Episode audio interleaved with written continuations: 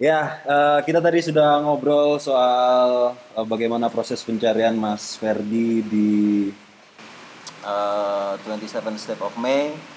Dan kita juga tahu bagaimana proses uh, penciptaan tokohnya, pemilihan bentuknya yang ternyata ya bukan hanya sebatas bahwa bentuk ini menarik atau tidak bahkan mungkin tidak berpikir soal bentuk ini menarik atau tidak menarik uh, ada niatan lain gitu di luar soal bentuknya menarik atau tidak bahwa bahwa bahwa manusia ini tokoh ini harus manusiawi hmm. itu yang paling penting dalam tokohmu sebagai guru di misalnya Step of May yang sudah kita obrolkan nanti eh, eh tadi. Nah uh, obrolan yang menarik banget yang bisa teman-teman lihat di episode kedua tadi.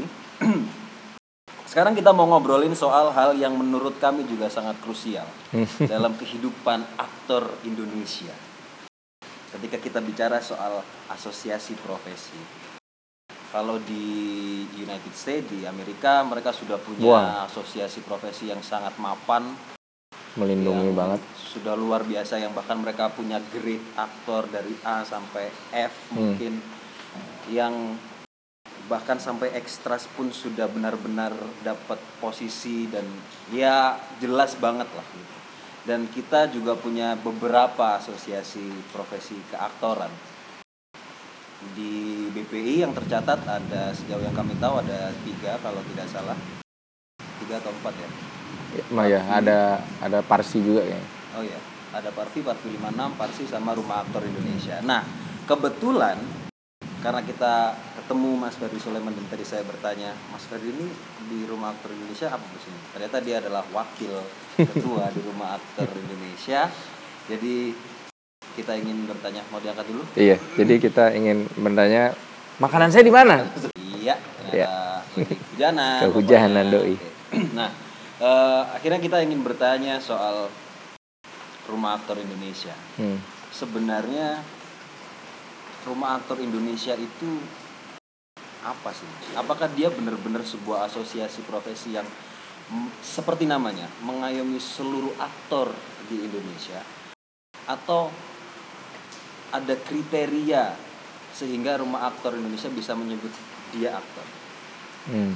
Dia boleh masuk Rumah Aktor Indonesia, dia kita ayomi atau tidak? Bagaimana? Sebenarnya ini kayak telur sama ayam sih. Pada saat uh, gagasan ini muncul 50 aktor ngumpul terus kita merasa bahwa kita punya kegelisahan masing-masing kita punya problem curhatan masing-masing tapi kalau kita semua sendiri-sendiri nggak akan selesai.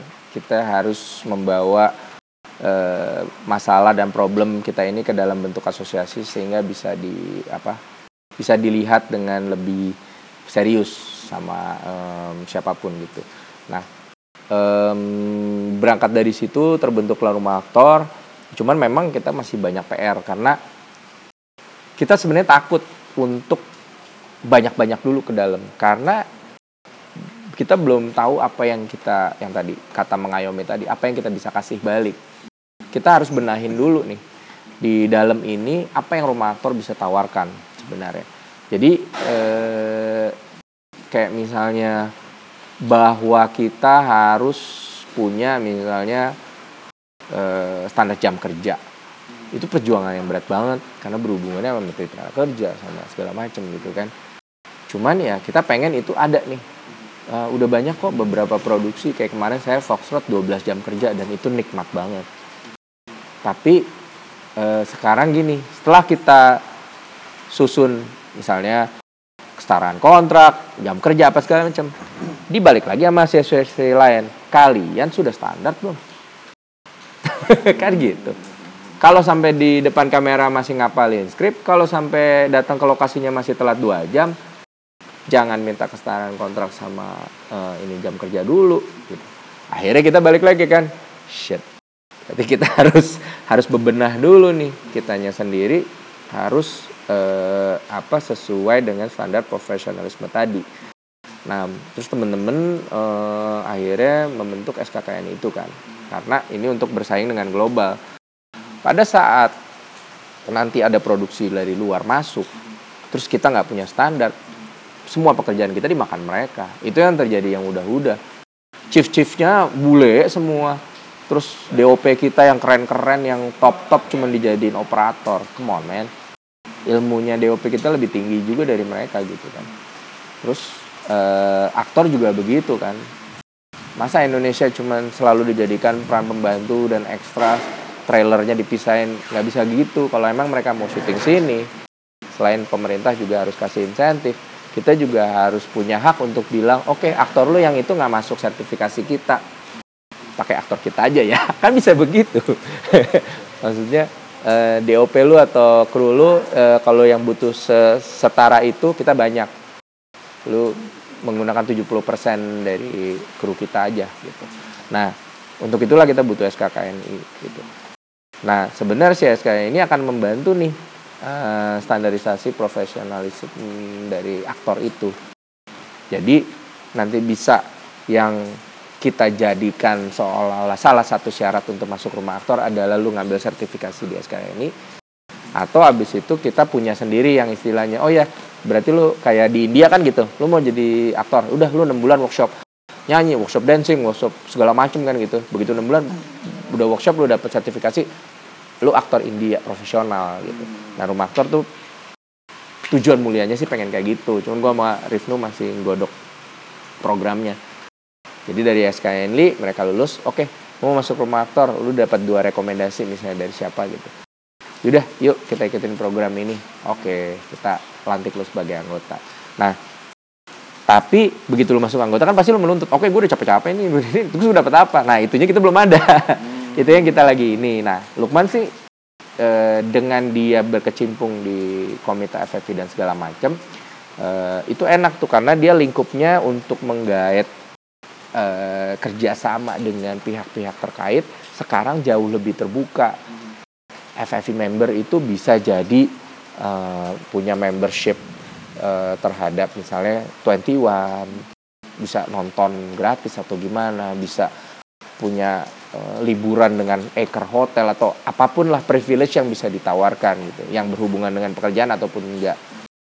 Nah, kalau ini udah bisa jadi salah satu benefit dari rumah aktor enak juga kita untuk menerima orang baru kan istilahnya kalau misalnya sekarang lu ke rumah gue kursi belum ada mau nawarin minum juga kulkas kosong nggak enak kita gitu jadi bukannya kita sok-sok eksklusif atau gimana kita harus bebenah sih uh, untuk supaya yang di dalam ini udah siap menerima tamu baru atau anggota baru anggota keluarga baru jadi kalau sekarang uh, memang masih uh, sibuk masing-masing gitu. Jadi kadang-kadang waktu ngumpulnya tuh harus lebih diinin. Kita juga ngeliat, ih gila, uh, asosiasi editor dia bikin rutin loh tiap bulan. Asosiasi ini bikin, eh dong kita ada loh pembahasan gitu ngumpul apa gimana yang untuk kita uh, benerin kita punya ini. Jadi di mata produser juga kita kompeten dan apa segala macam. Harus ada itu standar kompetensi itu sebenarnya. Sudah gitu. berapa tahun sih usia rumah ini? belum lama sih sama-sama si asosiasi itu pertama kali terbentuk sih hmm. apa sih yang waktu itu launching rame-rame di tahun yang sama Mungkin lima tahun kali lima tahunan lah ya hmm. dan uh, dalam usia lima tahun itu sampai sekarang rumah aktor Indonesia masih berbenah di hmm. dalamnya untuk memantaskan diri biar bisa sesuai namanya hmm. rumah aktor Indonesia betul sekali hmm. artinya apakah itu artinya uh, tidak menutup kemungkinan bahwa pada tahun-tahun berikutnya uh, rumah aktor Indonesia juga akan bisa mengayomi seluruh aktor di. Salah satu sebenarnya tujuan kalau saya pribadi adalah uh, pada saat international production mau masuk, hmm. mereka akan hubungin rumah aktor I need your actors, I need Indonesian actors. Film gue kayak begini, gue butuh 100 pemain, eh, uh, 20 leading, eh 20 supporting, misalnya ini sekian actors apa. Mereka tuh bisa ke kita dan kita juga bisa ke asosiasi casting misalnya. Eh gue dapet orang gini nih dari anggota kita, kita ajuin sini sini sini sini sini. Gimana menurut kalian?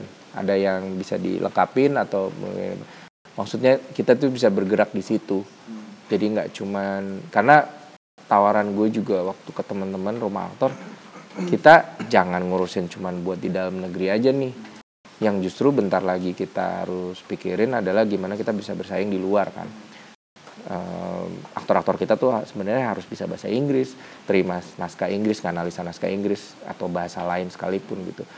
Karena ujung-ujungnya sekarang produksi regional pak, ya kan? Bikin satu produksi kayak Half World kemarin Joko tayang seluruh Asia, gitu kan. Terus ini GoPlay juga nanti bentar lagi 8 negara apa segala macam, view dan segala macam. So kita nggak lagi bersaing cuman antara lu sama gue gitu makanya di rumah aktor tuh nggak nggak terlalu yang uh, ah itu peran gue itu apa nggak terlalu gitu karena kita tahu kita ke depan ini kompetitifnya lebih keluar gitu jadi gimana nih kita bebenah di dalam masing-masing nah, karena tujuannya nanti kalau bisa kita jadi uh, asosiasi aktor yang uh, pertama kali dilihat untuk uh, dunia internasional pada saat mau produksi di sini. Hmm gitu. Nah, rumah aktor itu melakukan publikasi nggak sih, Pak? Karena bahkan kami saja baru tahu nama rumah aktor Indonesia itu tidak lama, sekitar setahun atau dua tahun yang lalu. Gitu. Hmm. Karena kemudian mencari bahkan media sosialnya pun kami hanya menemukan kalau nggak salah cuma di Twitter saja dan itu pun tidak sangat aktif di sangat Apakah tidak berupaya melakukan uh, sebuah publikasi untuk setidaknya memberitahu pada setidaknya ngasih tahu dulu deh pada semua hmm. orang-orang yang merasa dirinya berkecimpung di seni peran meskipun mungkin sebagian dari mereka tidak berani menyebut dirinya sebagai seorang aktor hmm. kan banyak lah ya orang-orang yang kayak gitu ya yang ya, ya. Ah, aku bukan aktor padahal Tapi dia gue tertarik film, gitu hmm. padahal dia juga udah acting gitu nah, apakah tidak berupaya untuk melakukan semacam publikasi waktu pas awal kita kan tahu nih uh, membuat organisasi itu sulit dan harus konsisten Nah, sehingga waktu itu sempet sih memang ada yang kita tunjuk untuk mengelola yang bukan aktor aktif. Karena pas awal tuh aktor aktif semua. Jadi kayak ya lah meetingnya susah gitu. Cuman meeting di grup. Nah cuman waktu itu terjadi kendala pada saat kita mempercayakan sesuatu eh ternyata tidak sesuai apa yang diharapkan dan akhirnya jadi kayak stagnan gitu. Dan PR kita adalah kita harus memang membentuk satu apa ya istilahnya eh, kelompok kerja yang bukan aktor aktif untuk mengelola organisasi. Karena kalau aktor aktifnya disuruh mengelola organisasi ke jalan-jalan pak. Yang bisa kita bantu adalah oke okay, lu mau bikin program ini yuk kita bantu cari sponsor apa apa apa nah aktor aktif bisa bantu untuk itu. Tapi untuk ngejalaninnya day to day basis emang setelah dilihat selama lima tahun nggak bisa gitu. Emang harus harus ada orang uh, ini. Nah dengan kayak gitu mungkin akan jauh lebih itu. Makanya uh, kemarin Rifnu sebenarnya udah ngomong kalau kemarin uh, man kapan lu udah kalau beres FFV kita ngobrol yuk uh, untuk ini nih kita harus bener-bener naruh orang di rumah aktor. Jangan kita gitu. Tapi yang bisa uh, ngejalanin program apa sesuai visi misi kita gitu emang itu sih. Nah kalau nah kalau udah kayak gitu enak tuh ada admin sosmed nah, itu ada uh, misalnya kerjasama sama majalah atau apa yang selalu ada artikel atau apa tentang keaktoran apa, -apa. kan bisa nggak harus kita selalu yang ya tuh bikin artikel. Ah gue lagi syuting ya. Susah. Nah, kayak gitu. kerja sama sama aku aktor. Nah, nah bisa. kan bikin artikel gitu. keaktoran nah kan gitu